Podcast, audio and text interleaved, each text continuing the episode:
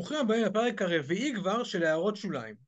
השבוע מתארח כאן גיא פרס, שהוא איש של הרבה מאוד דברים מעניינים, אבל בוא נתחיל אצלך גיא. תספר לנו מי אתה. טוב, אז היי יאיר, איזה כיף שהזמנת אותי להתארח אצלך, קודם כל זכות גדולה ואני מתרגש מאוד. אה, מי אני? אני, אני, בוא, מאיפה נתחיל? אני בן 47, ואני גר בצורן, ואני נשוי לרינת המהממת כבר, אני סופר, בערך 17 שנים. אה, יש לנו ארבעה ילדים, שני תאומים בני עשר, אה, ילד בן שבע ועוד ילד בן חמש. אה, והמון שנים, כאילו, אני הגדרתי את עצמי בתור מישהו שהוא אלוף בלהתחיל מחדש. יש לי המון תחנות בחיים, כל פעם התחנות האלה מאוד מאוד שונות, אין, אין, אין בהם איזשהו קשר שהוא, אתה יכול להגיד, זה איזושהי התפתחות של דבר, למרות שכמובן שיש התפתחות, אבל, אבל מבחינת המקצועות ומבחינת הדברים, אני העיפו אותי מהבית ספר בגיל 16. זה, ככה, ככה מתחיל החיים שלי. אתה אומר, ו... חוזרים אחורה לנקודה הזאת. ממש. זה כאילו, שם, שם היה באמת, אה, הייתי תמיד נוראי מאז ומתמיד. גדלתי, ב, נולדתי בקריית אונו וגדלתי אחרי זה ברעננה, את רוב, רוב השנים עשיתי ברעננה, ובאמת, מכיתה ה' אני כבר חושב שהלך לי מאוד קשה בלימודים, וכל שנה כאילו גררתי אותה לעוד שנה ועוד שנה ועוד שנה, ובאיזה שלב בכיתה 16, בכיתה י', אז כבר זה היה באמת too much to handle, אתה יודע, והזמינו את ההורים שלי ואמרו להם די, עד כאן, והייתה שם איזו יועצת שהגדילה לעשות ואמרה לי שאני פרח נבול, מאוד סיפרה לי את כל הדבר הזה. תמיד, תמיד נכון, לכל אחד יש איזה טראומה מאיזה יועצת אחת שאמרה לו איזה משהו מעליב כזה. איפשהו תמיד צריך איזשהו בור כדי, כדי לגדול, אה, לגדול אה, לגודל האמיתי שלך כנראה. כן. וזה סחב, סחב אצלי הרבה זמן, ואחרי... הלכתי לעבוד, הלכתי לעבוד, כאילו אמרתי, אני לא, נורא, נורא נפגעתי, כמובן. Okay. הרגשתי שזה, אתה יודע, פגעו בכבודי, ואם זה ככה, אני כבר לא מוכן ללמוד בשום מקום אחר, ובלה בלה בלה בלה בלה. והלכתי לעבוד באיזה מסעדה, ושטפתי כלים, ולאט לאט, אתה יודע, התחלתי להתקדם שם, אחרי משמרת, ואחרי זה במטבח, המון שנים הייתי במטבח. אה, ואז התגייסתי לצבא, ובצבא באמת, אני גם בן ראשון וגם אה, גם נכד ראשון, וגם, זאת אומרת, לא, גם החברים שלי לא היו לי אחים גדולים, ואבא אוקיי. שלי, שלמרות שהיה בצבא, ואתה יודע, אפילו בתפקידים בכירים, כאילו, אני יודע, ביחידה מובחרת, לא כל כך דיברנו על זה אף פעם, ככה שאני לא הבנתי כל כך מה זה צבא, והתגייסתי די במקרה.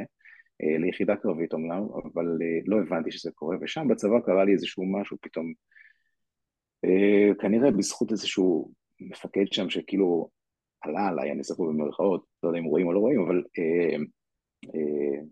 והבין שיש איזשהו פוטנציאל, וכאילו לקח אותי תחת חסותו. הוא הראשון שגילה אותך, אתה אומר. הראשון, הראשון. עוד הרבה לפני שאני הבנתי בכלל מה זה, והוא... בקיצור, בזכותו, פתאום הוא שם אותי בתור מפקד, בבת אחת כאילו נהייתי מפקד, ושל חבר'ה מאוד מבוגר, כאילו, מבוגרים יחסית אליי בצבא, ושם פתאום הביטחון עלה, ופתאום הרגשתי שאני חבל על הזמן, ושהצבא, והצבא, ופתאום נהייתי מאוד מאוד טוב שם. זה בעצם, בעצם היה פעם ראשונה שהרגשתי שאני טוב במשהו, ואמרתי, אוקיי, אז נהיה בצבא. כבר היה לי מאוד ברור שאני ממשיך בתוך הדבר הזה, אה, ולצערי הרב, אה, חבר הכי טוב שלי נהרג חודשיים לפני שהשתחררנו אה, באיזשהו מבצע בלבנון, זאת הייתה תקופה שהיינו בתוך לבנון.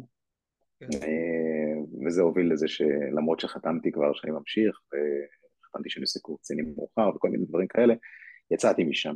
ואחרי שיצאתי מהצבא, יצאתי בטלטלה מטורפת, זאת אומרת, גם עזבתי מקום שהרגשתי שהוא מאוד אה, עני, ומצד אוקיי. שני, אתה יודע, עד אותו רגע, עד שהוא נהרג, כל הסיפור הזה היה בשבילי, אתה יודע, סוג של זה היה כמו משחק וידאו, אתה יודע, הרגשתי כמו איזה כן. מין רמבו כזה, יש לא רובה, יש לא רעים, יש טובים, ופתאום כשזה, אתה יודע, וראיתי אותו, וראיתי כאילו את המשפחה שלו נהרסת, וזה היה נורא, זה היה נורא לשאת את זה, ו... לא יכולתי להתמודד עם זה, ואמרתי, כאילו, אין מצב שאני עושה את זה למשפחה שלי, וכאילו עזבתי את הצבא, וכאילו, כאילו ברחתי משם, אתה יודע, כאילו, למרות שלא נשאר, זאת אומרת, סיימתי את השירות המלא, אבל, אבל לא נשארתי כאילו מעבר. וכאילו נפלטתי. מתאר זה כאילו פעולה של בריחה, כלומר זה לא, זה לא שסיימתי, אלא פשוט תודה חברים להתראות, אני, אני הייתי כאן, וזהו.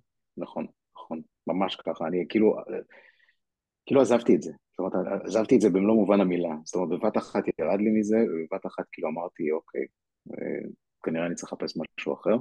לא כל כך ידעתי מה לעשות, הייתי די אבוד, חשבתי, בהתחלה הלכתי להשלים בגרויות, זה כאילו היה הדבר הראשון, כי כבר היה לי ביטחון בזה שאני יכול לעשות דברים, אז הלכתי להשלים בגרויות, פסיכומטרי. הסתובבתי והסתובבתי והסתובבתי ולא ידעתי, כאילו לא ידעתי מה לעשות עם עצמי, ו...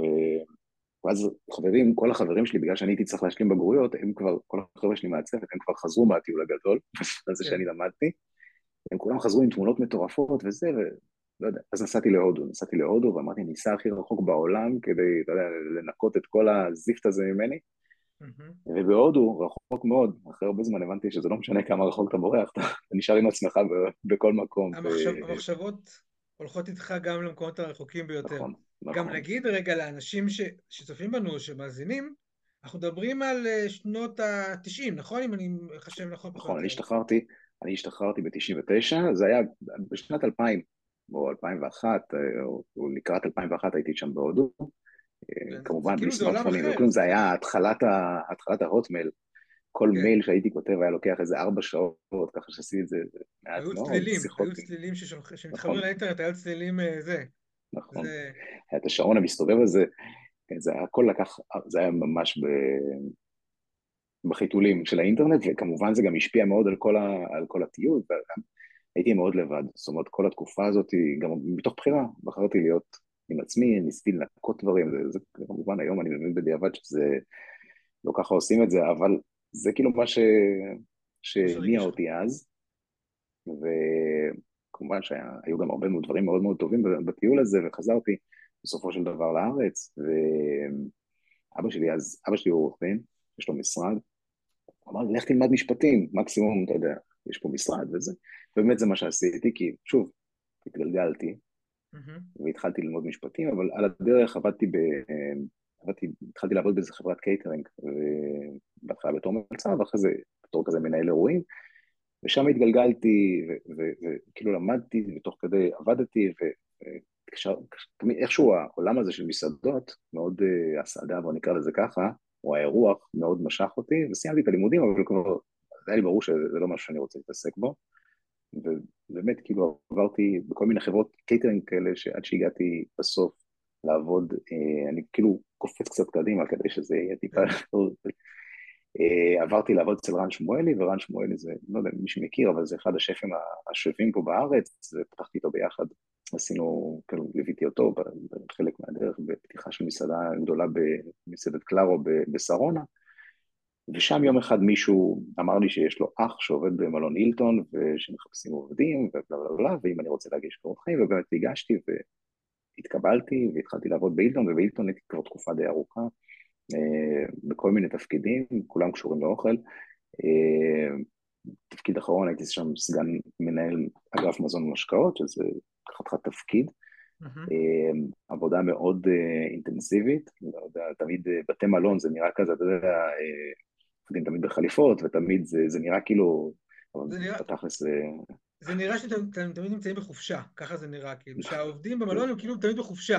אבל, זה, אבל אני אגיד בתור מישהו שלפעמים מתארח בין המלונות, מלונות, לא יותר מדי, אבל אם, אתה, אם האורח נהנה, כדי שהאורח ייהנה, העובד צריך להיות לא בחופשה, אוקיי? זה כאילו, זה כאילו זה. אני אגיד גם משהו ככה קטן, קטן כזה, שפתאום שמתי לב אליו, שמזרע מסוים שנשתל בגיל 16, שעבדת בתור שוטף כלים ב, אה, באיזה מסעדה כלשהי, ורצים עשר שנים קדימה לפחות, נכון? ומתוך הזרע הזה, שהוא הכי מקרי בעולם, שכאילו, כי כל הזמן אנשים מתכננים ורוצים לתכנן ושהכול יהיה כזה מסודר, פתאום מאיזה נקודה קטנה, ממשהו פעולה שאפילו לא מודעת, אתה היום נמצא איפה שאתה נמצא בזכות הדבר הזה שקרה לפני 30 שנה פחות או יותר, 31 שנה.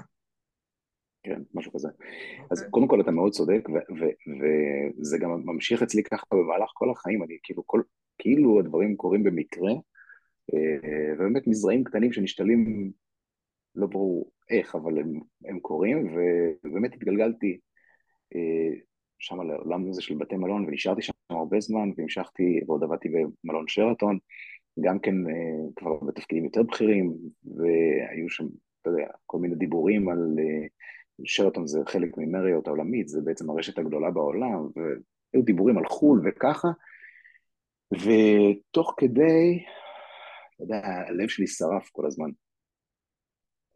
הלב שלי שרף מבפנים, כי הרגשתי באיזשהו מקום, אתה יודע, שאני, שאני כאילו ליד החיים שלי. הרגשתי כל הזמן שאני לא, ב, שאני לא ב, ב, בראש שלי, הרגשתי שאני כמו איזה מין טריס כזה, אתה יודע, שיצא מהמסילה שלו. כן. ועל פניו אתה רואה שיש שם טריס, הכל בסדר עם ה treats, אבל הוא כאילו לא זז טוב, אתה יודע, משהו כאילו לא, לא, לא היה בהלימה.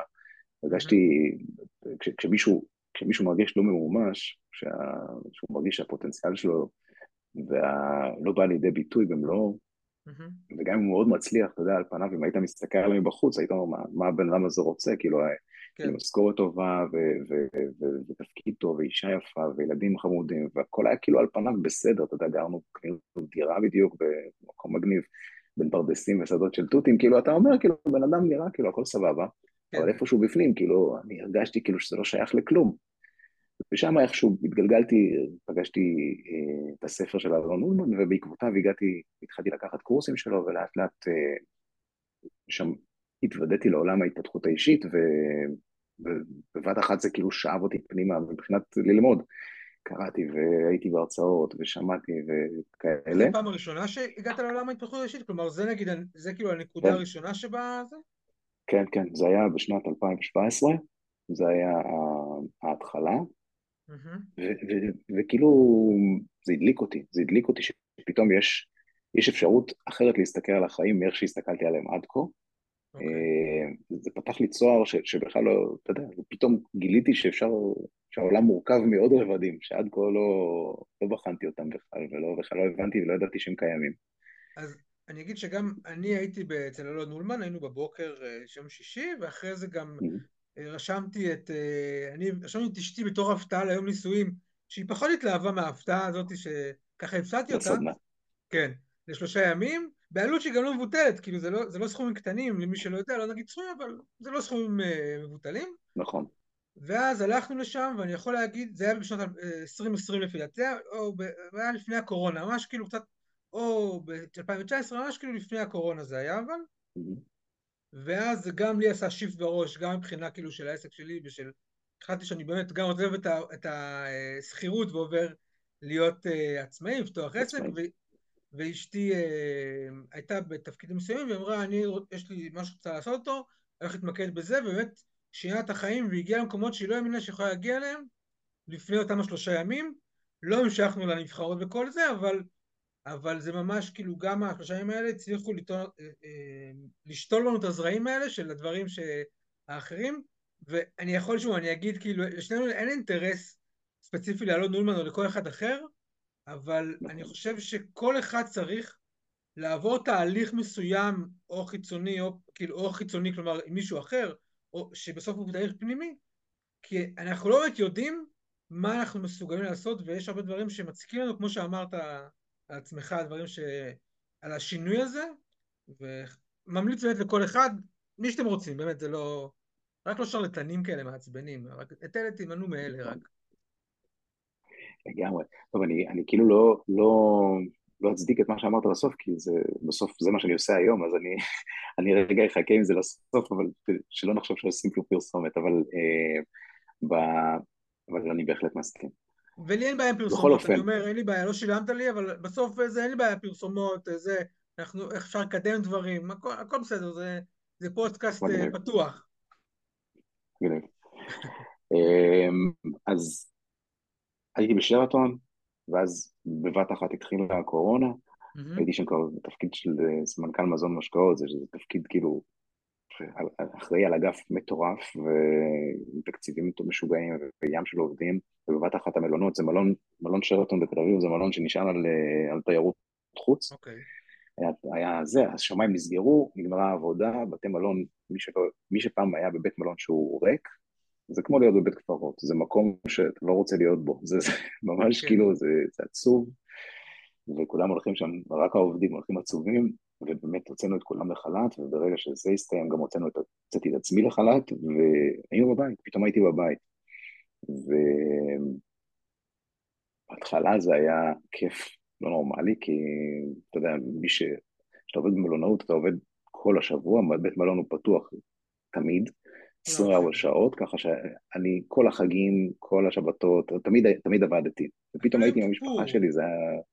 אפילו יום כיפור עובדים, נכון. שזה המקום היחיד. אפילו נתב"ג, אני עבדתי בנתב"ג פעם, אפילו כן. נתב"ג סוגרים ביום כיפור. זה גם... אז בתי מלון עובדים. כן. כן. אז... וזה באמת היה מאוד אינטנסיבי כל התקופה הזאת של העבודה, ופתאום הייתי בבית, ופתאום גיליתי שיש בית, ושיש ילדים, ושיש אשתי, ושהכל כאילו, אתה יודע, התאהבתי בזה מאוד, ואמרתי כאילו, וואי, מגניב. ואיזה יום התחילו הזומים האלה של הילדים, ועשינו איזשהו שיעורי בית עם הבן שלי, ופתאום היה טלפון, ואני מסתכל על הצד, במספר שאני לא מכיר, ואני עונה, ומדברים איתי ואומרים לי שלום, כאן, לא משנה מי, היה המנכ"ל הזה של אלון, והוא אומר לי, אלון רוצה שתבוא לעבוד אצלו. אז אה, אמרתי, מוזר וזה, וכמובן ש... היה ביניכם קשר לפני זה אבל? לפני השיחה הזאת? אז כן, יש, יש, לא, קשר ישיר אף פעם לא היה לי איתו, יש לו תהליכים כאלה של נבחרות, אז אה, כן. עשיתי אצלו איזשהו תהליך ש, ש, שאתה בעצם... ואז כאילו זיהה אותך משם, עובר... כאילו נגיד ככה? אז אפילו זה לא, כי בגלל שאני, בוא נגיד שאני מין סוג של late bloomer כזה, אז גם אחרי שעברתי את כל התהליך, רק אחר כך התנדבתי להיות איזשהו סוג של חונך בתהליך שקורה אחרי שאני סיימתי, okay. אוקיי. ושם כבר שמו כנראה לב אליי. מי שהיה אז מנהל הנבחרות שלו שם לב שאני פעיל, שאני, אתה יודע, יש לי יכולות, כן. ו... ואז הוא התקשר אליי ואמר לי, תקשיב, מנהל הנבחרות שלי עוזב, ואני רוצה שתבוא, הבנתי שאתה גם יודע לכתוב, לא דיברנו בכלל על כתיבה עד עכשיו, אבל אה, טוב, תכף גם נגיע לזה. ובכל אופן, ב... ב... והוא אמר, אני מחפש מפתח תוכן ואני מחפש מישהו שיחליף את המנהל נבחרות, ואיכשהו הגעתי לתוך ה... ועשיתי רושם, הוא אמר לי, בוא, אתה צריך עכשיו אה, להכין לי איזה קטע ולהציג לי אותו, וכאילו, אוקיי. איך לעשות את זה בכלל, אבל איכשהו כנראה הצלחתי. וצ'יק צ'אק התחלתי לעבוד אצלו, ממש כאילו הייתי בסוף, בכל הדבר הזה שנקרא קורונה, אז היה לי איזה חודש כזה בבית, ואז פתאום אה, התחלתי עוד פעם לעבוד בתוך אה, חברה שלו, שנקראת קודם מנצח, mm-hmm. והיה חוויה מטורפת, זאת אומרת בבת אחת נזרקתי לעולם של עולמות הבמה ולעולמות ההתפתחות האישית, אבל הפעם מהצד המלמד ולא מהצד הלומד, אה, שכמובן צריך כל הזמן להמשיך ללמוד, אבל כדי להגדיל את עצמך, אבל זה היה, זה היה משוגע, כיף. כאילו, מדהים. כאילו, מדהים, מדהים, מדהים. מה? נכון. נכון, זה אחד הדברים הכי, הכי חזקים שלמדתי ממנו, למדתי ממנו הרבה, אבל, אבל אחד הדברים החזקים זה הנושא הזה של האנרגיה. אני פעם חשבתי, אתה יודע, שיש אנשים שיש להם אנרגיה ויש אנשים שאין להם אנרגיה, ואנרגיה זה דבר שהוא, הוא, אתה, אתה, כל אחד יכול להיות באנרגיה גבוהה, אין, אין עם זה, אתה יודע, אתה צריך לעשות פעולות מסוימות, אבל, אבל בסוף.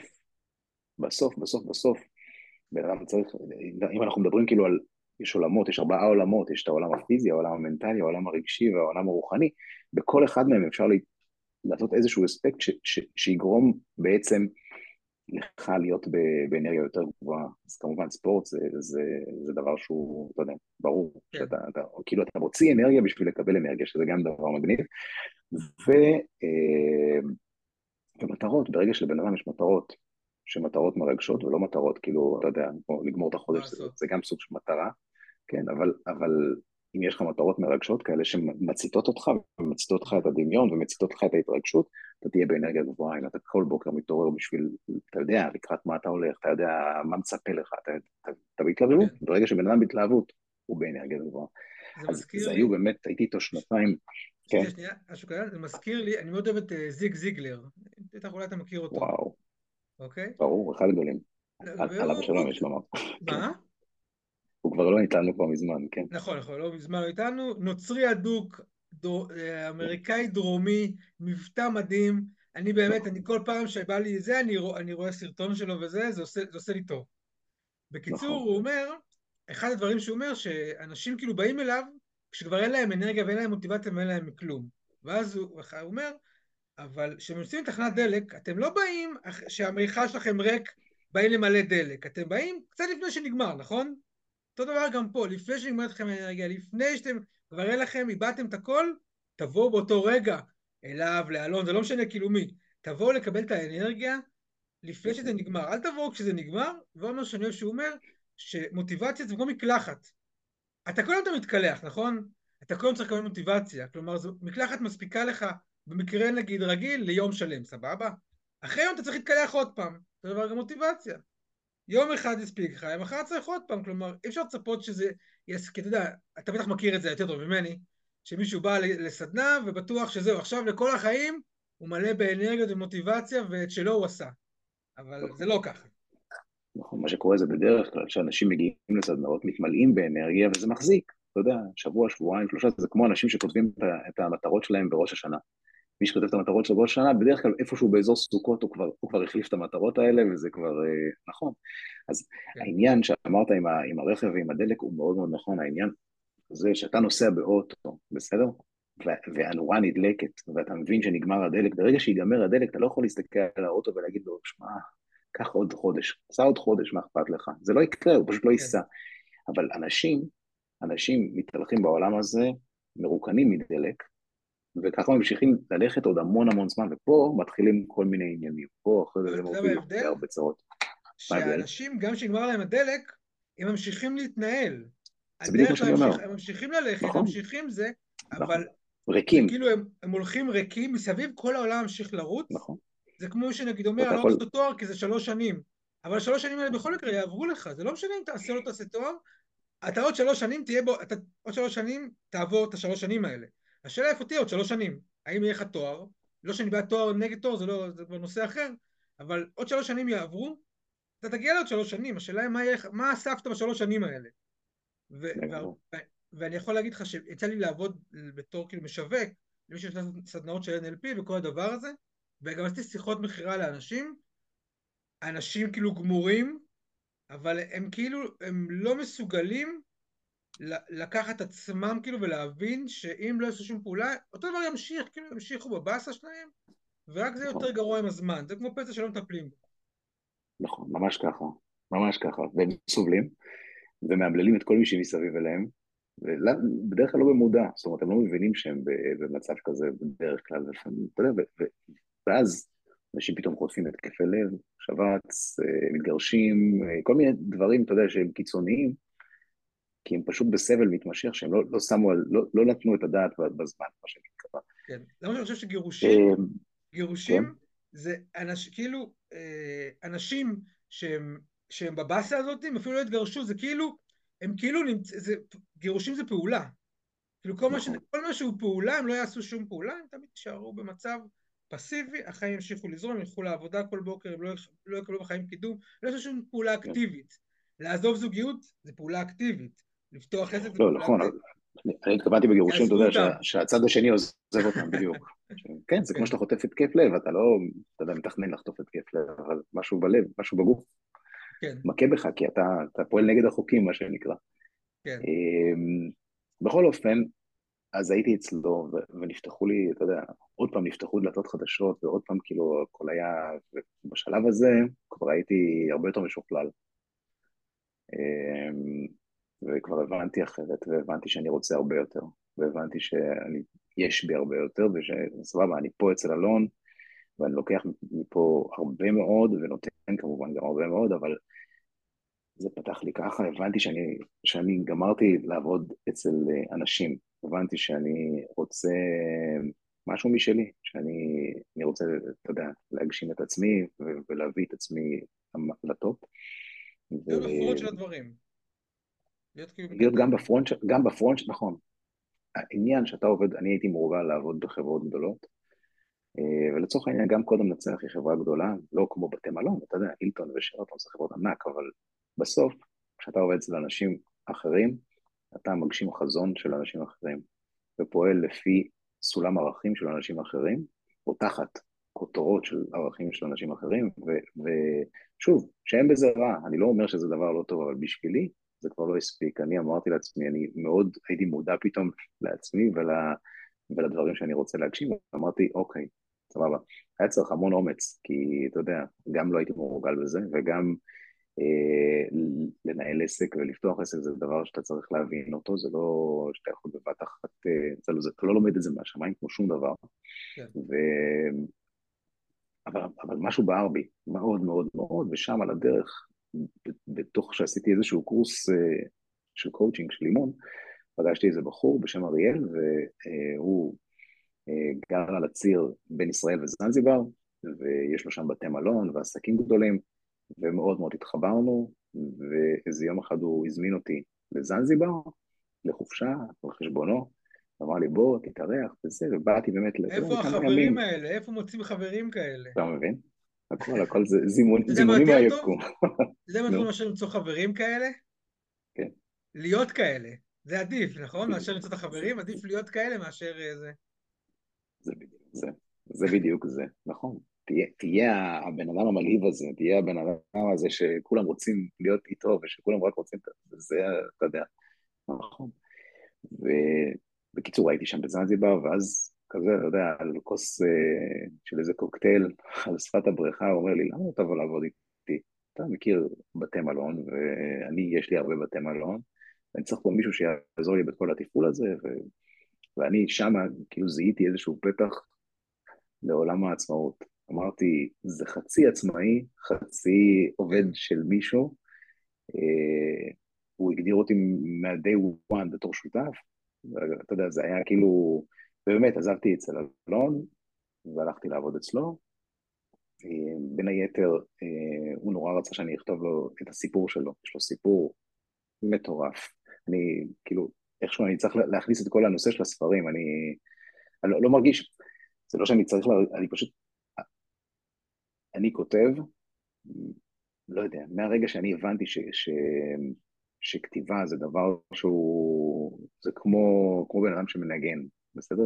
יש. אוקיי. משהו בזה שאתה יושב ומנגן, שפשוט משחרר, מוציא ממך משהו, ומוציא ממך איזשהו משהו שקיים בתורך ואתה פשוט מוציא אותו החוצה. וככה זה גם הכתיבה מבחינתי, ואני כותב המון, תמיד. אני לא יודע להגיד את זה כאילו על, ש... על שנה, אבל אני, אני כאילו בזיכרון שלי, כלום, מאז שאני צעיר מאוד, ממש, כאילו, ב, ב, ב, ב, מאז שאני, לא יודע אם ילד, אבל מאז שאני נער, בוא נגיד ככה, mm-hmm. וכתבתי לעצמי, לא כתבתי אף פעם בשביל, אתה יודע, חשבתי. לפרסם את זה, לא חשבתי שזה משהו פומבי, לא חשבתי שזה, אתה יודע, okay. אבל אוקיי. כאילו, כתבתי, כתבתי ו- וגם לא הראיתי לאף אחד, זאת אומרת, שנים זה היה, אתה יודע, רק ביני לבין עצמי, אבל, אבל זה היה כמו איזה מין משהו כזה שידעתי ש- שהוא משחרר ממני משהו, הרגשתי כל פעם כאילו כמו איזה מין סוג של, אה, כאילו אני מתנקה, בסדר? אני כאילו okay. מוציא מתוכי משהו. יש לך שגרת כתיבה מסוימת? אתה מכיר, אתה מכיר את דפי בוקר של אה, ג'וליה קמרון? אני מכיר. אין לי, אין לי כזאת שגרה. אני, okay. אוקיי. אני יכול להגיד לך שסתם, כשאני הייתי עובד בבית מלון, אה, הייתי מסתובב, אתה יודע מה זה placemat? על, כן, על מגש של מלצר, יש מין, כן, על מגש של מלצר יש מין אה, נייר כזה, עגול, דק, שעליו כן. בעצם מניחים את הדברים, שאם נשפך משהו אז זה סופג אותו. אז צד אחד זה עם הלוגו של המלון, וצד שני הוא לבן. מה שאני הייתי עושה, הייתי מקפל אותם למין כאלה שמיניות, זה היה יוצא מין כאלה משולשים כאלה, והייתי שם את זה ב, ב, בתוכו של, ה, של הג'קט שלי, בכיס הפנימי, כל פעם אני הייתי מוציא את זה, כל, כל רגע כזה שהיה כאילו קופץ לי משהו לראש, אני הייתי מוציא וכותב ו, וממלא, יש לי כאלה פלייסמנטים ערימות. ובאמת, מלא מחברות וגם כמובן בתוך המחשב, אבל זה, יש משהו כמעט על גבול המדיטטיבי. אני יכול להגיד לך שספרים שאני כותב, יש פעמים שאני קורא אותם ואני כאילו לא מאמין שאני כתבתי את זה בכלל. ואני כאילו אומר, כן. כאילו, לא, לא זוכר שכתבתי את זה, לא זוכר שבא לי הרעיון הזה, כאילו מסתכל על זה, לפעמים אנשים, אתה יודע, שקוראים מהצד ואומרים לי, תקשיב, זה, זה מדהים, ואתה חייב לעשות עם זה משהו, וכל מיני כאלה, אני כאילו מסתכל, אני כאילו בהתחלה לא הייתי מבין בכלל מה מדברים, כי אני אף פעם לא קראתי נגיד את זה, זאת אומרת, הייתי קורא בשביל, אני אומר לך, כותב בשביל לשחרר, בשביל לשחרר okay. מהגוף שלי. ו... לימים, אתה יודע, שכללתי את זה ופיתחתי את זה, ו... וזה הפך להיות כלי שאני, שאתה יודע, בעיניי זה כלי שהוא כמעט רפואי. אני אומר, יש משהו בכתיבה שהוא ממש מרפא. אבל אתה, יש לך כאילו נגיד זמנים קבועים, או שפשוט מתי שכאילו פתאום בא לך אתה כותב, כלומר, כאילו, זה מנוהל בצורה מסוימת? אני אגיד לך כזה דבר, אני, אני, אני, אני לא, אין לי מוזות, בסדר? זאת אומרת, אני, אם תשים אותי מול המקלדת... מוזה זה לחלשים, זה מה שאני כאילו, זה, כאילו מוזה זה, אתה יודע, מוזה זה תירוץ, זה תירוץ לא לעשות דברים. נכון, אני צריך קהל, זה האמת. אני צריך אוקיי. קהל, היום את זה אני יודע את זה, וכדי שזה יצא לי טוב, וכדי שאני גם אהיה בתוך כאילו יושב, ואז כאילו סביבך יושבים אנשים, מוחאים כאילו כפיים, כאילו איזה, על משפטים, כאילו זה. לא, מה שאני עושה, הקהל הוא לא בשביל הכפיים, הקהל הוא בשביל המחויבות, ובשביל שאני אוקיי. אדע שאני כותב, שאני כותב הכי טוב שאני יכול. ואז מה שקורה זה שבדרך כלל כשאני מתחיל לכתוב ספרים חדשים או דברים כאלה, אני פותח קבוצה עם איזשהו חבר טוב. אוקיי. ואני מוציא אותו כאילו מהאפשרות בכלל להגיב. אבל הבנתי. הוא שמה, ואני תמיד זורק את הדברים לשם, ואני יודע שהוא קורא את זה. גם אם הוא לא באמת קורא את זה. אבל אני יודע שהוא קורא את זה, וזה כאילו מאפשר לי קודם כל זו להיכנס שיטה לתוך השגרה מצוינת, הזאת. אני יכול להגיד, אם מישהו כשמישהו- מישהו מקשיב לנו והוא כותב וזה, מצוין, תפתחו קבוצה, ותקיעו. נכון. לשם את כל ה... את כל הטקסטים לגמרי. שזה, ואולי מישהו קורא, אולי לא. זה זה ממש ככה.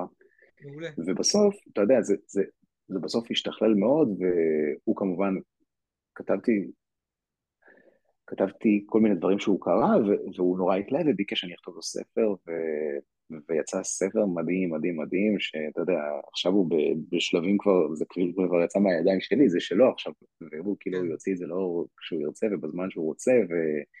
אה, אבל יצא ספר מגניב ממש, אה, שנקרא ממינוס בבנק למלון בזנזיבר, שזה באמת סיפור חיים של, של אריאל, שהוא בעצם סיפור, סיפור של איש מדהים, שקרו לו דברים מדהימים ושהוא עושה דברים מדהימים, ומאוד מאוד uh, ציורי ונשמע מאוד uh, דמיוני, ויחד עם זה מאוד אמיתי. Uh, אז יום אחד יהיה את הספר הזה בחנויות, אז שווה.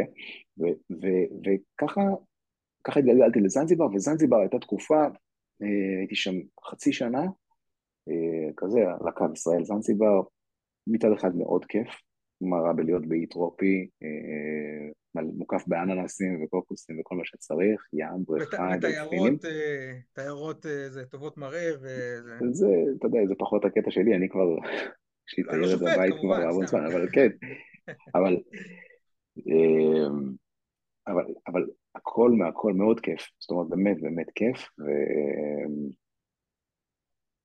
ו... ו... אבל, אבל שוב, משהו שם היה גם חסר, זאת אומרת, אני כאילו הבנתי שאני עוד פעם בתוך הבתי מלון, וזה כבר הייתי, כבר הייתי מחוץ לדבר הזה. ברחת, ואז, אה, איך אומרים את זה? כן, איכשהו זה, זה משך אותי. חזרה, אני לא זוכר איזה ממש. סרט זה. אה, זה.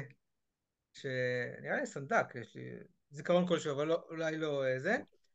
אז קצור משכו אותך בחזרה לעולם המלונאות. ממש. והזה. פתאום מצאתי את עצמי עוד פעם, אתה יודע, עושה, בונה תקציבים, ו- ומדבר עם המנכ"לים בשביל לראות איך אה, לשפר את, ה... את השביעות רצון של העובדים, וכאילו אמרתי, אוקיי, אוקיי, אוקיי, אני מבין.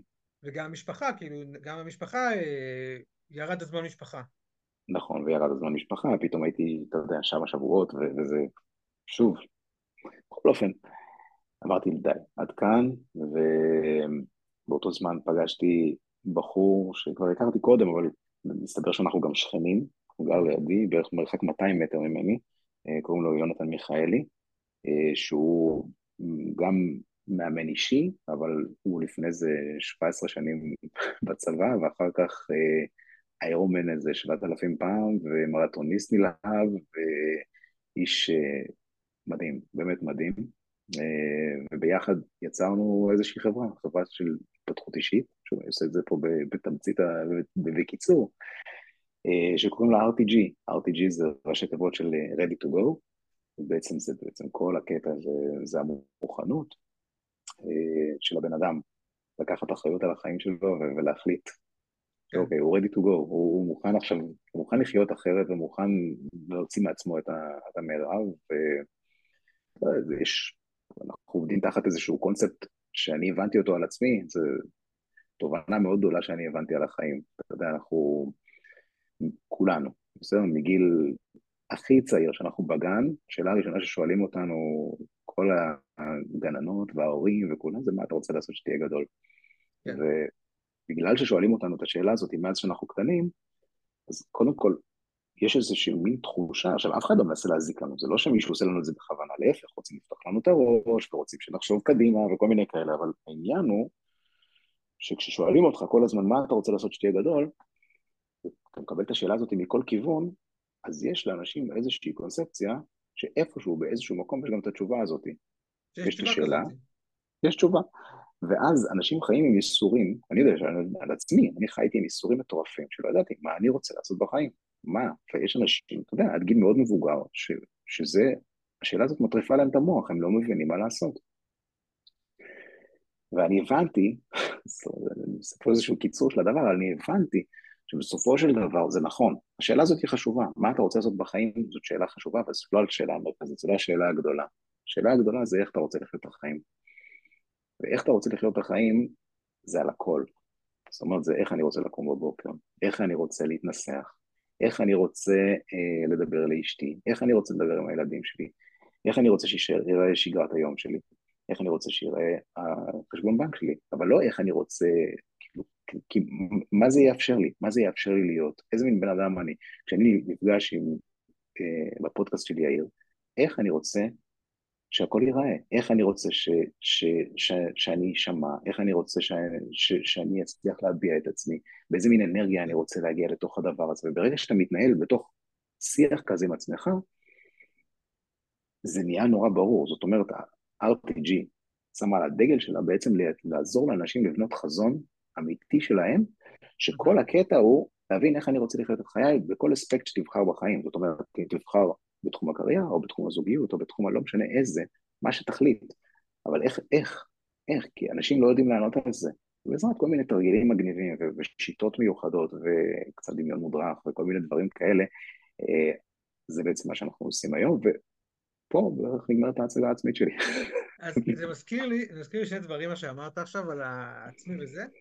אחד, כן. יש את הספר הרגלים אטומיים, יצא לך לקרוא אותו אולי? בטח, בטח. ששם הוא מדבר על זהות, כלומר שכל נכון. אחד, שהזהות שהוא לוקח לעצמו, היא תעזור לו כדי לבנות את הרגלים שלו, יש לכל זהות יש הרגלים, נקרא לזה בגדול נגיד כך, אוקיי? אז זה כאילו מזכיר כאילו את הזהות שאמרת, וציטוט שאני לא זוכר מי אמר אותו, אבל שאף אחד לא אה, בחר להיות אה, שמן, אה, אה, אה, גרוש, בריאות גרועה, כן. עני וכל זה, אף אחד לא בוחר את זה, אוקיי? אבל זה מה נכון. שאתה קורא, שאתה לא בוחר אתה לא בוחר את הדברים האחרים, אז אתה בוחר להיות uh, זה. ו- גם, גם, הימנעות היא סוג של בחירה. בסוף, ש... גם, לא גם לעשות. בחירה לא, פשוט, כן, בחירה לא לעשות. כן. ואתה אומר, חשבון בנק, כל אחד יש... כן. סליחה, נכנסה פה איזה שיחה פשוט. כן, כל אחד אומר שהוא רוצה שהחשבון בנק שלו יהיה כאילו מדהים, וכאילו שיהיה לו מלא כסף. אבל בסדר, זה, זה, כולה, זה כאילו כולם רוצים, אבל בסוף השאלה אם אתה, מה אתה עושה כדי להגיע לשם?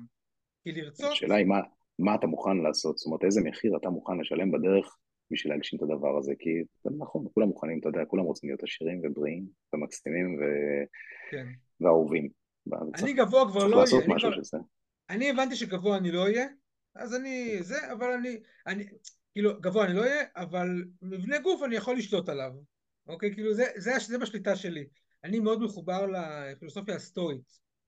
אם אתה, אתה מכיר את זה, דיכוטומיות השליטה וכל זה, אז כאילו, משהו בשיטה שלי, משהו לא בשליטה שלי וכל, הדברים האלה. אבל טוב, עכשיו הכרנו אותך קצת יותר טוב, אחרי okay. אוקיי. זה, ואז בואו רגע נחזור קצת, עכשיו בואו נשאר שאלה שקשורה לספרים. מה אתה אוהב לקרוא?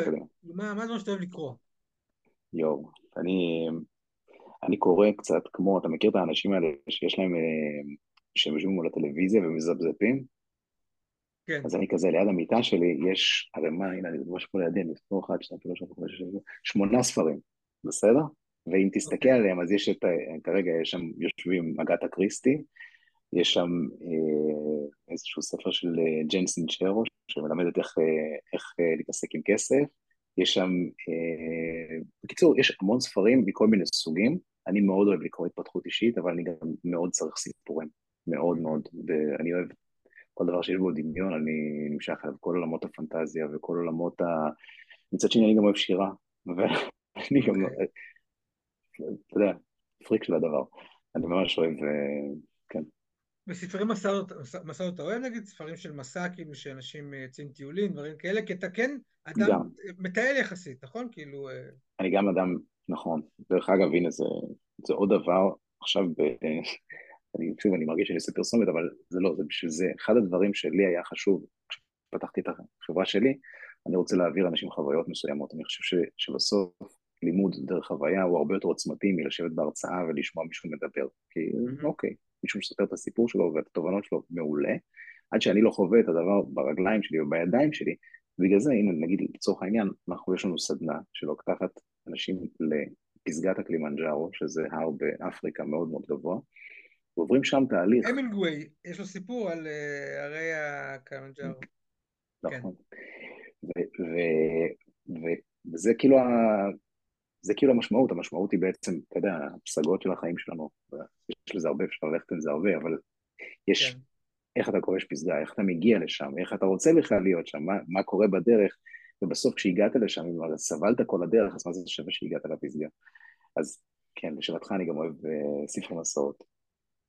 יש איזה משהו שכאילו ספר מסע כאילו מסוים, או שכאילו אין לך כרגע בראש כזה, איזה אחד שקופץ? אה, שלושה בסירה אחת, זה מלווה אותי מאז שאני ילד. כן. ספר מסעות. נראה שהרבה לא מכירים אותו, של אה, ג'רום. ג'רום משהו, כן. קיי ג'רום, משהו כזה נראה לי, זוכר את השם שלו, נכון. נכון. כן. הוא יצא לפני כמה שנים גם בתרגום כאילו עכשווי יותר. אני, נכון. אז אני גם, גם לי יש את הנקודה הזאת שאני כאילו לא מצליח לסיים ספרים, אוקיי? מה, אני מסיים. אה, כן, אבל כאילו... רק אני... הבנתי. אני, כאילו- אתה יודע, לוקח את הזמן.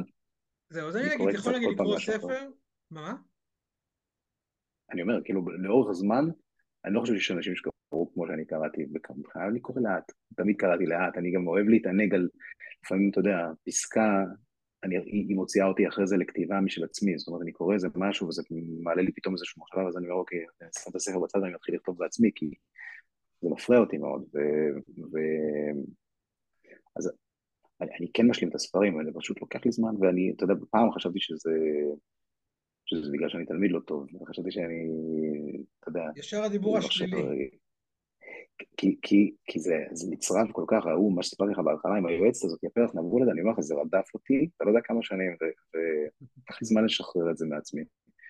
ובסופו של דבר, אני כאילו, אני היום מאוהב בזה שאני קורא לאט, אני מאוהב בזה שיש לי הרבה ספרים ליד המיטה, ובעיקר אני מאוהב בזה ש, שאני קורא, שזה דרך חיים שלי, שזה לא עכשיו איזשהו, אתה יודע, איזה אפיזודה, אפיזודה חולפת, שפגשתי איזה ספר מוצלח, מאוד מאוד נהניתי, ואוקיי, אני אקרא עוד ספר לעוד חמש שנים, אני יודע, זה, כן. זה כל הזמן, זה בחיים שזה, שלי. זה, זה חלק מהחיים שלך, הכתיבה והקריאה, זה כבר, זה לא משהו שהוא נמצא, זה, זה ממש חלק אינטגרלי מהחיים שלך, מההתנהלות היומיומית שלך, נכון. ואם ספרי מסעות, אני נזכר בספר המסעות הכי טוב ש, שלפי דעתי יצא, של דויד פוסטר וואלאס, שאני מאוד אוהב אותו, משהו כיפי לכאורה, שלא אחזור עליו לעולם. אני מקווה שמעת את זה בצורה אחת. לא שמעת על זה. אתה מכיר את דויד פוסטר וואלאס? או שגם... לא, שלו. כן. אז דויד פוסטר וואלאס, זה שאתה רגע שנייה. זה כאילו... לא. אוקיי, אני מחזיק ביד הספר אה, מטלה אינסופית. ספר של אלף אוקיי. עמודים. יש לו גם ספרון קטן, שבו איזה עיתון טיולים כלשהו, אני לא זוכר את השם שלו כרגע, שלח אותו אה, לשי תענוגות. אוקיי. ואז הוא בא והוא כותב באריכות, ויש לו הרבה הערות שוליים גם. והוא מתחיל לתאר שם את המסע שלו, זה מהרגע שהוא מגיע לשם, ושמישהו אה, נגיד בא לקח את המזוודה שלו, והוא נלחם, כאילו הוא אומר לו לא לא אני אקח את זה לבד, ואז כאילו הוא אומר לו לא לא אני אקח את המזוודה, ואז הוא מבין שאין לו, כאילו שהמטרה של המקום הזה שהם ייהנו בכל מחיר, אוקיי? ושהסבל הוא חייב לקחת ממנו את המזוודה, כאילו אין דבר כזה שלא. וכולם שם זקנים כזה ומביסים אותם באוכל, ויש שם בחור עם, עם, עם אה, מצלמת וידאו שכל הזמן מסתובב שם. אני, אני מאוד אוהב את, את אה, דויד פוסטר וואלאס, וזה ספר כאילו אחד הטובים שלו, ואני אצא לך בהזדמנות. שכנעת אותי. אוקיי, אז uh, קיבוץ המאוחד, אני רוצה אחוזים מה, זה, מהקידום של הספר. uh, זהו. אז אני לא זוכר איפה היינו, בקיצור, היינו מסעות, טיולים, ואמרנו שאין לך שגרה, נכון? של כתיבה. כלומר, מתי שיוצא, יש לך איזה דברים מסוימים שאתה כותב, נגיד, אה, בדמיון, שאתה רץ על זה במקומות מסוימים, איזה משהו, אה, זה? כן, אני יכול להגיד לך ש, שבדיוק עכשיו סיימתי לכתוב ספר שהוא היה אצלי בראש, אני חושב שמונה שנים, הרעיון. אוקיי. קוראים לו, קראתי לו רכבת היהלומים לספר, אה, ממש כאילו לפני כמה זמן סיימתי לכתוב אותו, ספר שהוא הוא, הוא בעיקרון עליי, אבל אתה יודע, הוא, הוא, הוא התבשל אצלי בראש המון זמן, והיום אני יודע שהיו כל מיני פרקים שאני הייתי חייב לעבור בחיים שלי כדי בסוף להגיע לתובנה של איך הספר הזה יסתיים. Okay. אוקיי. Uh, ובגלל זה, זה אני, אני כבר התכוונתי לכתוב אותו כבר הרבה פעמים, אבל בסופו של דבר זה לקח זמן עד שזה, עד שזה הגיע לכדי ביצוע. כאילו חיכית שהחיים ישיגו את הספר, כלומר שתוכל שתחיה דברים כדי... כן, זו תובנה שהיא כמובן בדיעבד, אבל, אבל כן. כן. אוקיי. ונגיד בכתיבה שלך אתה נגיד הולך נגיד לשיחות עם אנשים מסוימים, כלומר יש כאילו דברים שאתה נגיד אה, כותב כאילו וחושב כאילו על דברים, אה, שיחות עם אנשים אחרים, דברים כאלה? אני אספר לך, אני אספר לך סיפור, יש לי אח שקוראים לו יונתן, שהוא אה, צעיר ממני בשלוש שנים, אנחנו חברים מאוד מאוד טובים, יש לנו כל החיים באותו חדר, וכשאני השתחררתי מהצבא, כשהוא השתחרר מהצבא, הוא טס לפירנצה ללמוד ציור. וגם כן, אני מדבר איתך...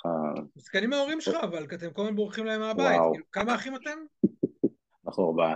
ארבעה, יש לנו, אוקיי. כן, יש לי אח שהוא בכלל, הוא גר בלונדון יחד עם אשתו, הוא שף באחת המסעדות של אסף גרנית ב- בלונדון, וכן, אה, הוא שם, הוא כבר, לא יודע כמה שנים הוא בחו"ל, ואחותי פה בארץ, אה, אבל כן. לפחות אחת נשארה, לפחות יש להם בת שזה, שלא ברחה להם. נכון, שזה יש בנות. אה, זה היה כמובן צוחק, אבל בכל אופן, אז ברגע שהוא נסע, לי, לי היה נורא קשה שהוא לא, שהוא לא, אתה יודע, שהוא לא קרוב אליי, וחיפשתי דרך לשמור איתו על קשר רציף, בלי שזה, אתה יודע, זה גם לא הייתה תקופה של הפלאפונים, וזה, אתה יודע, עוד הרבה קודם, עוד כבר היו מיילים. כן. ואז אמרתי לו באיזשהו רעיון, בגלל שיש לנו שיח מאוד מאוד דומה, אתה יודע, דמיון מאוד קרוב, והרבה בדיחות פנימיות אה, משותפות, אז אמרתי לו, תקשיב, בוא נכתוב ספר ביחד. נורא בא לי לכתוב ספר ביחד, ו... ואמרתי לו, בוא, בוא ניקח, בהתחלה נבנה רק דמויות, נספר סיפור של כל מיני דמויות, ולקחנו את ה... לקחנו כל מיני אנשים שאנחנו מכירים משותפים אלינו, כל מיני אנשים מהמשפחה, אה, מהמשפחה המורחבת הרחוקה, וכאילו הגחכנו אותם, זאת אומרת, okay. אוקיי. הפכנו אותם להיות, אה, לא יודע, מטורללות לגמרי, וכל אחד סתם אה, הקצנו מאוד כל מיני תכונות מסוימות, ובנינו מסביב להם איזשהו סיפור, ובסוף מה שעשיתי זה בעצם קשרתי בין כל הדמויות האלה ביחד לאיזשהו סיפור אחד, וכשזה הגיע כבר לרגע של הכתיבה ממש, הוא, הוא כבר, אתה יודע, זה לא היה בשבילו, הוא בסוף לא אוהב לכתוב. אני פשוט חיפשתי איזה דרך לשמור איתו על קשר, וזה כאילו הייתה השיטה. ויצאו מלא דברים מאוד מאוד מצחיקים בתוך כל הדבר הזה. Okay. אוקיי, אה, זה סיפור מגניב גם, אבל ש... הנה, הוא לא יצא אף פעם לאור, אז בזמנו, זו הייתה הפגישה שלנו הראשונה, כשנפגשנו אז עם, אה, אה, עם רמי, אה. זה בעצם הבחור שדרכו הכרנו, כן. וזה היה הספר שבזמנו חשבתי להוציא לאור, וכנראה שעוד לא הגיע שעתו, אבל... אוקיי, עוד לא עברת לא מספיק בשביל זה. כנראה. הבנתי. זה רק היה לי. סיימת? סליחה? כן, כן, לא. לא, לא, הכל טוב. היית בסדנות כתיבה גם? יצא לך לא, אף פעם לא הייתי. אוקיי. טוב, אז בוא נעשה רגע משהו לקראת סיום. יאללה. אתה גם בעולם הכתיבה וגם בעולם התפתחות אישית, שני דברים, שני נכון. נושאים שאני גם מאוד מחבב אותם. אז אם מישהו הצליח לשרוד עד רגע זה את כל, את כל הפודקאסט, סיפור חייך, את כל הבדיחות הגרועות שלנו יותר וגרועות שלנו פחות, okay. תן אוקיי. כמה טיפים שיכולים וואו. לשלב אולי בצורה מעניינת גם כתיבה וגם התפתחות אישית, אם יש לך איזה רעיון ככה שאנשים יצאו מכאן. כן. בוא ננסה. אני חושב, אני חושב בסוף, בן אדם, כל אחד מאיתנו, יש לו, ואני קורא לזה מתנות פנימיות.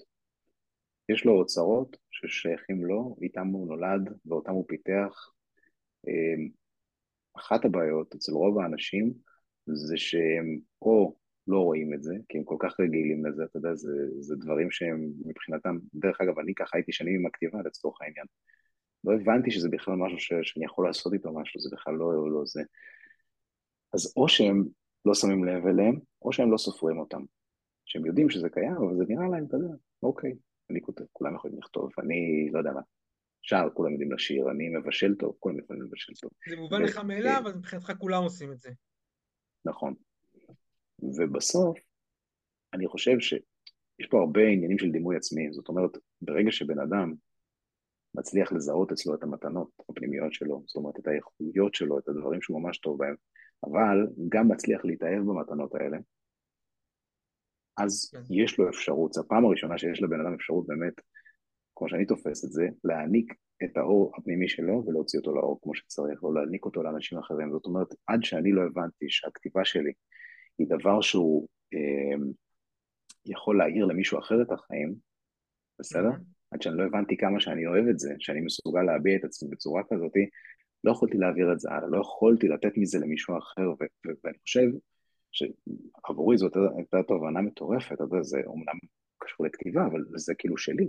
כמובן שאני יכול ככה היום, בשכלול הזה, אני יכול לעשות גם את זה על עוד מתנות נוספות שיש לי, והיכולת אולי הכי גבוהה ש, שאני מזהה אצל עצמי היום, זה שאני יודע להסתכל על אנשים ולהגיד להם, אוקיי, בוא אני אעזור לך להוציא את המתנות שלך. זאת אומרת, אני יודע לראות אצל בן אדם אחר את הכישורים שלו, הרבה לפני שהוא מצליח לראות אותם, אני מצליח גם להבליט לו את זה וגם לעזור לו להתאהב בזה, וזה כאילו ה... זה כאילו. אתה יודע, אני, אני חושב שבסוף, ברגע שיש לך משהו כזה, לך, תשכלל את הדבר הזה, תפתח אותו, תלמד אותו, תתאהב בו עוד יותר ועוד יותר ועוד יותר, ואז זה יבוא מסביב. זאת אומרת, אנשים, תחשוב, כל מיני אנשים שיש להם, כל אחד יש לנו אנשים שהוא מכיר, שיש להם איזשהו משהו שהוא מיוחד להם. כמה אנחנו אוהבים את הדבר הספציפי הזה, כמה אנחנו חושבים שזה מיוחד. עכשיו, ברגע שהבן אדם מבין את זה על עצמו, זה שווה הכל. זאת אומרת, זה, זה הניצחון האמיתי. כן, הבנתי. אוקיי, אז אני גם אתן משהו שאני גם עושה אותו, אני עושה אותו בצורה עקבית, זה דפי בוקר. לא בסגנון ג'וליה קמרון, כי זה באמת, כאילו, זה... לא יודע, מי שמכיר את זה, שמקשיב ושומע, זה משהו מאוד, מאוד קשה ומאתגר, אבל אוקיי. עדיין לשבת עם עצמך בבוקר, לפני שמתחיל לך היום, לפני כל המטלות, לשבת איתך רבע שעה, עשרים דקות, חצי שעה, לכתוב כל מה שיש לך בראש, זה סוג שאני קורא לזה ניקוי של מוגלה. מוציא את כל אוקיי. המחשבות המבאסות שלך ואת כל הזה, ושעצבנו אותי אתמול ומה אני מרגיש, ואני גם עושה לך סדר במחשבות שלך, ואז אתה מתחיל את הבוקר, ואז אתה מתחיל את היום שלך, את הבוקר, פתאום כאילו כל המשקל הזה כאילו ירד ממך, והרבה יותר קל לך אה, זה. יאללה, אני מבטיח לנסות. אם אתה רוצה עוד, עוד דבר קטן, אם יש לנו עוד זמן, אני אגיד שאחד התרגילים שאני באמת, אני פריק של פודקאסטים אה, של בוקר, יש לי באמת רצף של אירועים שאני עושה. אז יאללה, תן לנו כמה, שזה, נצא מכאן עם תובנות. אז יאללה, אז הראשון, הראשון, וזה אני עושה עם כל מישהו שאני מאמן, ו... אה, זה הוקרת תודה. הוקרת תודה זה אחד הכלים הכי חזקים שיש בעולם הזה. זאת אומרת, ברגע שאתה... עכשיו, ברגע שאתה מוקיר את יד ימין שלך, בסדר? היא פתאום הופכת להיות, זה דרך אגב, בסדר, בואו נקפוץ רגע שנייה, זה רוחניות בעיניי. ואנשים כאילו אומרים רוחניות, רוחניות, מה זה רוחניות? רוחניות בשפה שלי זה יכול לתת משמעות למשהו. ברגע שאתה נותן משמעות למשהו, הוא הופך להיות הרבה יותר מהדבר עצמו. זאת אומרת, אם אני עכשיו, אני, אם אני וזה נכון לכל דבר, זה מתחיל בדברים הקטנים, כמו יד ימין, אה, שזה לא דבר קטן, אבל באופן עקרוני, יד ימין, אם אתה רוצה יותר, כאילו, ציפורן ימין. זה כאילו, כן. יד ימין זה כאילו דבר קטן, כי יש לך אותה, אוקיי? נכון. אבל תחשוב נגיד למי שנגיד, היום לצערנו יש עשרות חיילים כנראה שאיבדו גפיים וידיים וזה, נכון. נכון. זה מבחינתם, זה דבר ענק כאילו שפתאום אין דבר נכון. אז... לגמרי. אז אני, מס, אני כאילו, אני אגיד שאני, גם, גם בקטנה, כאילו, גם הייתי, איפה אה, שגם את זה הייתי עושה גם, כאילו, והיו, נגיד, מה, אני ככה, אוסיף ככה בסוגריים, שמה שאומרים להכיר תודה זה לא הדברים הגדולים, לא אשתך, ילדים, דברים כאלה, כי זה כאילו המובן מאליו. אלא נגיד הייתי מכיר תודה על זה שיש לי קפה בבוקר, אוקיי? כאילו דברים שהם, שהם כאילו הקטנים האלה, שמובנים מאליהם, אבל בפועל הם לא מובנים מאליהם. נכון. אז, אז זה באמת מה שאני עושה, אני, אני כל בוקר עושה הוקרת תודה על משהו אחד, והטריק שלי זה שאני, שוב, בקבוצות שלי עם עצמי, אני, אני גם אוסיף לזה איזושהי תמונה, זאת אומרת, עכשיו אני, אתה יודע, זה יכול, אני כל פעם אצלם איזשהו משהו שנותן לי איזושהי תזכורת למה שאני רוצה להכיר עליו תודה, והעניין בכל, בכל התרגיל הזה, למה בעצם התמונה? התמונה כי זה נותן עוד איזשהו buffer של שהות, זאת אומרת, אם אני רק אגיד, אה, אני, אני מוקיר את יד ימין שלי, איזה יופי, אה, כאילו עברתי את זה הלאה בלי באמת לתת לזה את, ה, את המקום. כן. זאת אומרת, עצם זה שאני כותב את זה קודם כל, ושאני מצרף לזה תמונה, זה נותן את הכמה רגעים האלה כדי, שזה, כדי שאני אעשה את זה. אתה רוצה עוד דבר שאני עושה? יש דבר שקוראים לו... אני אגיד משהו, נגמר הזמן. כן? משהו קטן, שזה שאתה מחפש למה להכיר תודה, נכון. זה כבר ההתחלה. לא רק שמצאת, נכון. זה שאתה מחפש את זה בכלל, זאת ההתחלה כאילו ב, ב, בהוקרת תודה. זה. זה נכון, ואתה יודע, אתה גם לא רוצה לחזור על עצמך, בעיקר שאתה עושה את זה עם אנשים אחרים, אז אתה אומר, אוקיי, אני לא יכול לצאת פרש וכל יום, אתה מעלה את זה מול אנשים אחרים כאילו? כל יום, יש לי קבוצות שלמות של אנשים שאני עושה את זה איתם, כן. והם גם עושים או שרק אתה? ברור. אוקיי, לא אין ברירה, אתה יודע, זה כאילו זה, אתה, אתה חייב להשוות uh, לחצים, בטח. הבנתי. כי, כן, אז הם גם עושים, זה, זה, וזה מפרה מאוד, זאת אומרת, זה, זה נותן, לי זה נותן בוסט מטורף לבוקר, זה דבר אחד שאני עושה, יש דבר נוסף ש, שנקרא lofty questions, אני לא יודע אם אתה מכיר את זה, לא. אבל בגדול, יש דבר שנקרא אפרמציות, זה אתה בטוח מכיר, נכון? אפרמציה, אפרמציה. אפרמציה זה הגד שאתה אומר, אוקיי. Okay. הרבה פעמים, והוא כאילו, אתה כאילו רוצה להטמיע אותו בתוך עצמך, סתם לצורך העניין, אה, אני, אני חזק, אני חזק, אני חזק, אני חזק, תגיד לעצמך 200 אלף פעם אני חזק, אולי בסוף תחשוב שאתה חזק. עכשיו, ה-lofty question, הוא כאילו הופך את זה, הוא אומר למודע שלנו מאוד מאוד קשה לקבל משהו שאנחנו עדיין לא, בסדר? כן. ואז הוא, הוא מתחיל את זה ב... בשאלה. זאת אומרת, אם אתה הופך את זה ואתה שואל את עצמך למה אני חזק, או למה אני כזה חזק, או למה אני כזה מאושר בבוקר, או זה כאילו איפשהו על התת מודע זה עושה איזושהי עבודה שהיא יותר קלה לעיכול. אז גם זה, כל בוקר אני שואל את עצמי שתי שאלות, ו- ויש לי סבב קבוע כזה של שבוע, זאת אומרת בשבוע יש 14 שאלות, אני כל יום עובר על ה... מוסיף כל יום שתי שאלות, ואז שבוע חדש מתחיל ואני מתחיל מההתחלה, וזה דבר שהוא... שאלות חדשות. אני לא מספיק, כדי שיהיה לי מעניין, אתה יודע, אני לא כל פעם שואל את אותן שאלות. וזה מגניב כי... אתה כאילו כל יום כותב שתי שאלות חדשות, כאילו. נכון, כל יום.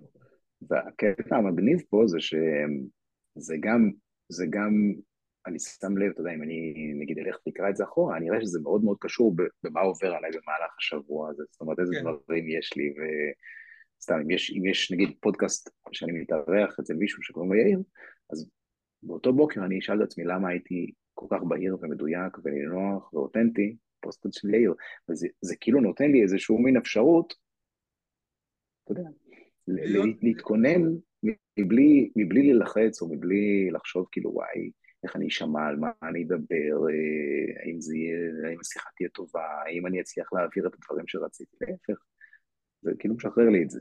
אתה כאילו מכין את עצמך לקראת כאילו הדברים שלך של היום, וש... וכאילו מתלה... כאילו מתלהב במרכאות ממה שאתה נכון. תצליח לעשות אחר כך, נגיד ככה. נכון. הצלחתי להגיד נכון. בצורה אה, בהירה מאשר זה. בול. אוקיי. מגניב לגמרי, כי רוב האנשים, רוב האנשים קמים בבוקר ואומרים למה הסכמתי לפודקאסט הזה, אין לי זמן לזה, אין לי כוח, רק שנגמור את זה כבר, וזה. אתה זוכר, דיברנו, דיברנו בהתחלה על התלהבות ועל אנרגיה. אתה יודע ש, כן. שאני יודע, שוב, בהקשר של איך אני רוצה לחיות את חיי, אז אני רוצה לחיות את חיי בהתלהבות מכל דבר שאני עושה. אני לא רוצה שיהיו בחיי דברים שאני לא מתלהב אליהם. אני, בהרצאה שלי, יש לי הרצאה שנקראת אה, להגשים את עצמך, זה יותר קל ממה שאתה חושב. ו, מתחיל בסיפור הזה, שאני מתחיל בזה שכולנו בכלא. כל הזמן. כולנו בתוך, כל הזמן בתוך כלא. בסדר, יושב אבא ביום הולדת של הבת שלו, ובגן, ומרגיש בכלא. למה? כי זה תקוע לו באמצע היום, וכי הוא צריך לשבת על הכיסא הלא נוח הזה, והוא צריך לשמוע את השירים האלה, וכבר יש לו ארבעה ילדים, וזה כבר פעם כן. שמינית שהוא רואה את הטקסים האלה, ודי, מספיק, כמה אפשר. הוא בכלא, בשנייה הזאת הוא בכלא. את אותו, הוא anyway שם. anyway הוא יושב על הכיסא הזה. אם אתה עכשיו תבוא ותספר לעצמך סיפור אחר, ותגיד לעצמך, וואו, הנה הבת שלי. בשביל שהיא תיוולד הייתי צריך לעבור טיפולי הפריות יחד עם אשתי. שכבר שכחתי את זה, כי היא כבר בת שמונה. כן. ו, אה, ו, ועכשיו היא פה בכיתה שלה וחוגגים לה, ואיזה יופי, וכמה זה מרגש. וסתם, תסתכל על החיוך שלה. ותסתכל, פתאום, אתה יודע, אתה כבר לא בתוך הכיסא הלא נוח הזה, ואתה פתאום לא כבר עשית את זה 200 אלף פעם, כי הרגע הזה הוא רגע שאתה יכול לתת לו משמעות אדירה, והוא משהו קסום שקורה כרגע, והוא גם, תוך שנייה הוא נסתיים, ויהפוך להיות גם ככה זיכרון. היה לי פעם, כשעבדתי עם רן שמואלי, אז היינו, היינו עושים המון ארוחות אה, שישי בוקר בכל מיני בתים של אנשים עשירים. Okay. אוקיי. וכשהיינו נאספים מולו, כאילו לאיזה מין בריף כזה לפני שהם מתחילים, אז הוא אמר, חבר'ה, תקשיבו, זה נכון ששישי בבוקר, אבל אנחנו כבר פה. אז למה שלא נהנה מזה, ולמה שלא נפיק מזה את המרב? ובזמנים ההם לא יכולתי לקלוט את זה. היום אני יודע שזה, שזה המהות. זאת אומרת, אתה יודע, אחד הדברים הכי טובים שקרו לי מזנזיבר זה שנהייתי חבר של הרב הראשי של זנזיבר שקוראים לו מנדי נאמן, הוא רב של חב"ד שם שנמצא בזנזיבר, והוא אמר לי, המצווה הכי גדולה ביהדות זה להיות שמח. תרדוף את זה והכל יהיה בסדר. ומאז שהוא אמר לי את זה, אני כאילו, זה, זה הקטע, אתה מבין? כאילו אני יכול לבוא ולהסתכל על הפודקאסט הזה ולהגיד, יא... שעה וחצי של אה, זה, ולך תדע מה יצא מזה, ואולי אף אחד לא ישמע את זה, ואולי זה לא מעניין, ומצד שני אני יכול להגיד, וואו, איזה הזדמנות אדירה. קודם כל, אני מכיר מישהו חדש, אני, יש לי הזדמנות אה, לדבר ולהגיד, ועוד פעם לחשוף את עצמי. יש לי אפשרות גם לחשוב, כי הרי תוך כדי שאני יושב מולך ואנחנו עכשיו מדברים, אז קופצות לי מחשבות לראש, ואולי יצאו מזה דברים מגניבים, ומי יודע, ובכלל, לא יודע, הרעיון לחפש להיות קודם כל בנוכחות, וכאן, ברגע הזה, כן. זה דבר אדיר, ואת זה צריך לרדוף לדעתי. אני זוכר משהו שבזה של אולמן, של הסדנה, שיצאתי משם, והנקודה של להיות נוכח ברגע. Mm-hmm. אוקיי? כי אנחנו כל הזמן, נגיד, נמצאים, כמו שאתה אומר, במסיבה של הבת שלך, ואתה או בטלפון, או אתה מבואס עד שזה ייגמר. אבל עזוב את זה, אתה כרגע נמצא, אתה נמצא כאן כרגע. תהיה נוכח ברגע הזה. תהנה מהרגע שאתה נמצא בו, כי הוא לא יחזור עוד פעם, והרבה נגיד שואלים נגיד מה יותר חשוב כסף או זמן? התשובה היא זמן, כי כסף אפשר לייצר בלי סוף אתה יכול לייצר כסף, זמן אתה לא יכול לייצר. ואם אומרים לי תבוא איתי לאיזשהו מקום, אני תמיד חושב, כאילו, כאילו זה, אומרים כאילו, אני בסך הכל צריך לבוא איתם, אבל זה הזמן שלי, שבמקום שאני אעשה משהו שאני רוצה באמת, אני צריך משהו שאני לא באמת רוצה אותו, ואני מבאס את הזמן ש, שיש לי שהוא מאוד מוגבל, בזה, ואני אגיד שכולנו, הזמן שכולנו מוגבל, והשאלה מה אנחנו עושים בו בזמן הזה, מדברים עם אנשים מעניינים, או יושבים ורואים תוכניות uh, באיזה ריאליטי של, uh, לא יודע, אנשים uh, רצים בלי כסף ברחובות עיר כלשהי, שאין לי מושג. ראיתי רק את הפרומו של התוכנית, אני אפילו לא יודע מה, מה קורה שם, אוקיי? אז כאילו, מה אתה מדבר. יש איזו תוכנית חדשה, שהם יוצאים בלי אוקיי. כסף, לאיזה מקום כלשהו, אני לא יודע, לא באמת, לא ראיתי, לא יודע, אוקיי. לא, לא יודע, אוקיי. מדובר, אבל בסוף השאלה היא, האם אתה נוכח או לא נוכח בכל דבר בחיים שלך, שזה נראה לי כאילו מסכם את כל השיחה כזה בינינו, כאילו של, של כל הדברים כאילו שעברת וכל הנקודות וזה, שבסוף אתה נמצא בנקודה מסוימת, אתה התחלת בנקודה של גיל 16 בתור שוטף כלים, היית נוכח שם, היית אדם אחר לגמרי, אבל לאט לאט זזת והתקדמת והגעת לאן שאתה נמצא היום, וסטיב ג'ובס אומר שבסוף אתה רק בראייה לאחור יכול לחבר את כל הנקודות בשביל להגיע לנקודה שבה הגעת. וזה כאילו יושב בול עליך, ואני חושב על כל סיפור כן. חיים מוצלח של אנשים, החיבור של הנקודות בסוף זה הדבר החשוב ביותר. ממש ככה. אני מאוד מסכים איתך. מאוד מזכיר את הסיפור של האלכימאי דרך אגב, שזה כאילו... לא גם קצת ספר מהפסה. אני אגיד לך למה, יש לי בעיה עם רבי מכר. כל ספר שהוא נהיה רב אוקיי. מכר, אני לא מסוגל לקרוא אותו. נגיד האלכימאי, כולם התלהבו ממנו, אני אמרתי, אני לא מסוגל אה, לקרוא את האלכימאי. לא, לך לקרוא. 121 עמודים של אוצר צרוף. כן. גם, זה גם סיפור מסע דרך אגב, אז בכלל אתה תאהב. וזה גם מסר מאוד חשוב, וגם אה, כתוב מהמם. באמת אחד הספרים היותר מוצלחים שיש. אני אבדוק, אני, אני, אני אשקול את זה, אני אשקול את זה, אני, אני לא אענה בשלילה. טוב, בוא נעשה לסיכום. יאללה. מי שרוצה עכשיו להתחיל לעשות איתך דברים, דברים, להתלהב, שמע אותך מדבר, רוצה לעשות לך mm-hmm. דברים, אה, תהליכים, לשנות את חייו, לצאת מהקופסה, להפסיק לשבת ולצפות בפודקאסטים, או להאזין להם ולהתחיל לייצר בעצמו פודקאסטים, או לקחת חלק בחיים בצורה אקטיבית, איך הוא, מדבר, איך הוא משיג אותך? כאן, היום פייסבוק, אינסטגרם, מאוד מאוד פשוט למצוא. כל אחד, גיא, גיא פלס, RTG. כן, כן, הכי פשוט בעולם. הבנתי. מלא פרטים. כן, אני, אני יותר מאשמח, ואחד הדברים הכי חשובים לי, באמת, אני, זה, זה ה... להיות בתוך הדבר, זאת אומרת, אני מחפש לעשות תהליכים עם אנשים שאני לא, אתה יודע, אני, אני בקשר רציף עם האנשים, וזה, המחויבות שלי אליהם, זה, זה מה שממלא אותי, אתה מבין? אני כאילו בתוך הדבר, ואז אני חי את זה, ו, ומתרגש ומתלהב יחד איתם, וזה כאילו, זה, ה, זה הקטע שלי. זה הייעוד החדש. זה הייעוד האמיתי, כן, שלי. טוב, אז תודה רבה, גיא. זה היה שיחה מרתקת. למדנו מלא דברים, אני מקווה גם שאנשים שכאן ייקחו דברים, בעיקר החשיבה, שאולי קצת בתודעה שלהם קצת יזוזו יותר, יתקלחו יותר, ישיגו יותר מוטיבציה, ימלאו דלק, ועוד כל מיני דימויים של, של התחדשות, של התחדשות.